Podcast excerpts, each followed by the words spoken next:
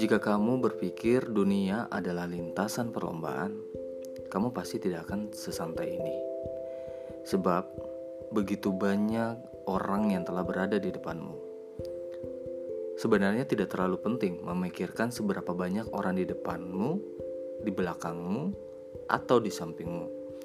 Yang kamu pikirkan adalah dirimu sendiri.